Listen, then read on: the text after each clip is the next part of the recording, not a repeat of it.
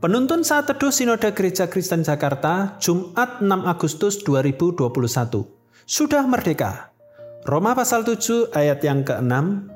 Tetapi sekarang kita telah dibebaskan dari hukum Taurat sebab kita telah mati bagi dia yang mengurung kita sehingga kita sekarang melayani dalam keadaan baru menurut roh dan bukan dalam keadaan lama menurut huruf hukum Taurat. Tepat 17 Agustus 1945, Soekarno-Hatta memproklamasikan kemerdekaan Republik Indonesia di Jakarta. Informasi tersebut sama sekali tidak sampai ke telinga rakyat Kalimantan Timur. Itu karena radio-radio dirusak tentara Jepang. Warga tidak punya media untuk mendengar informasi dari luar Kalimantan Timur ungkap sejarawan lokal Muhammad Sarif menceritakan situasi di Kalimantan Timur di awal kemerdekaan kepada kompas.com. Saat proklamasi, situasi di Samarinda yang menjadi pusat pemerintahan waktu itu masih mencekam. Sebagian besar warga masih mengungsi ke pinggiran kota Samarinda di daerah Lempake karena pesawat sekutu sering melintasi angkasa kota, menembak dan menjatuhkan bom.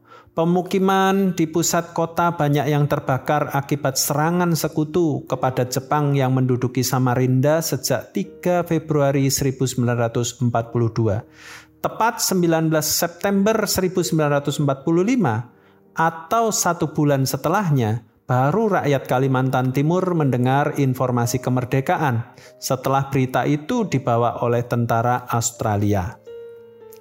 Melalui suratnya, Rasul Paulus memproklamirkan kepada jemaat di Roma bahwa mereka sudah dibebaskan dari perhambaan hukum Taurat.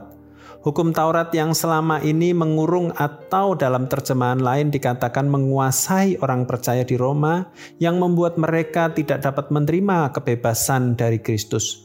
Mereka seperti rakyat Kalimantan Timur yang masih merasa dijajah oleh Jepang, padahal sesungguhnya mereka telah merdeka sebulan yang lalu dan menjadi rakyat Indonesia yang merdeka. Banyak jemaat di Roma yang masih menggunakan pola hidup yang lama, meskipun mereka sudah menjadi orang Kristen.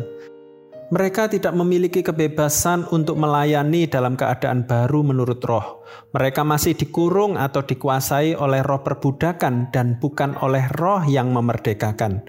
Hidupnya masih untuk memuaskan keinginan daging dan hawa nafsunya yang membuahkan maut. Bagaimanakah hidup orang yang masih belum menyadari akan kemerdekaannya?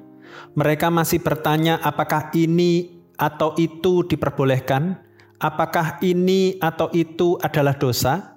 Orang yang bertanya seperti itu masih merasa di bawah hukum perbudakan atau Taurat. Padahal sesungguhnya kita adalah orang-orang yang telah merdeka. Merdeka oleh karena Kristus telah mati untuk semua dosa kita.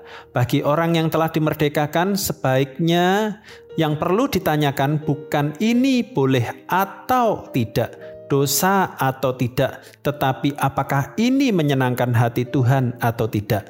Kemerdekaan yang telah diterimanya digunakan untuk memuliakan nama Tuhan dan menjadi saluran berkat bagi sesamanya.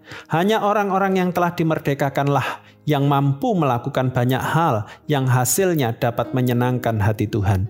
Kerinduan untuk menyenangkan hati Allah dengan taat kepadanya lebih sekadar menjalankan aturan boleh atau tidak. Tuhan Yesus memberkati.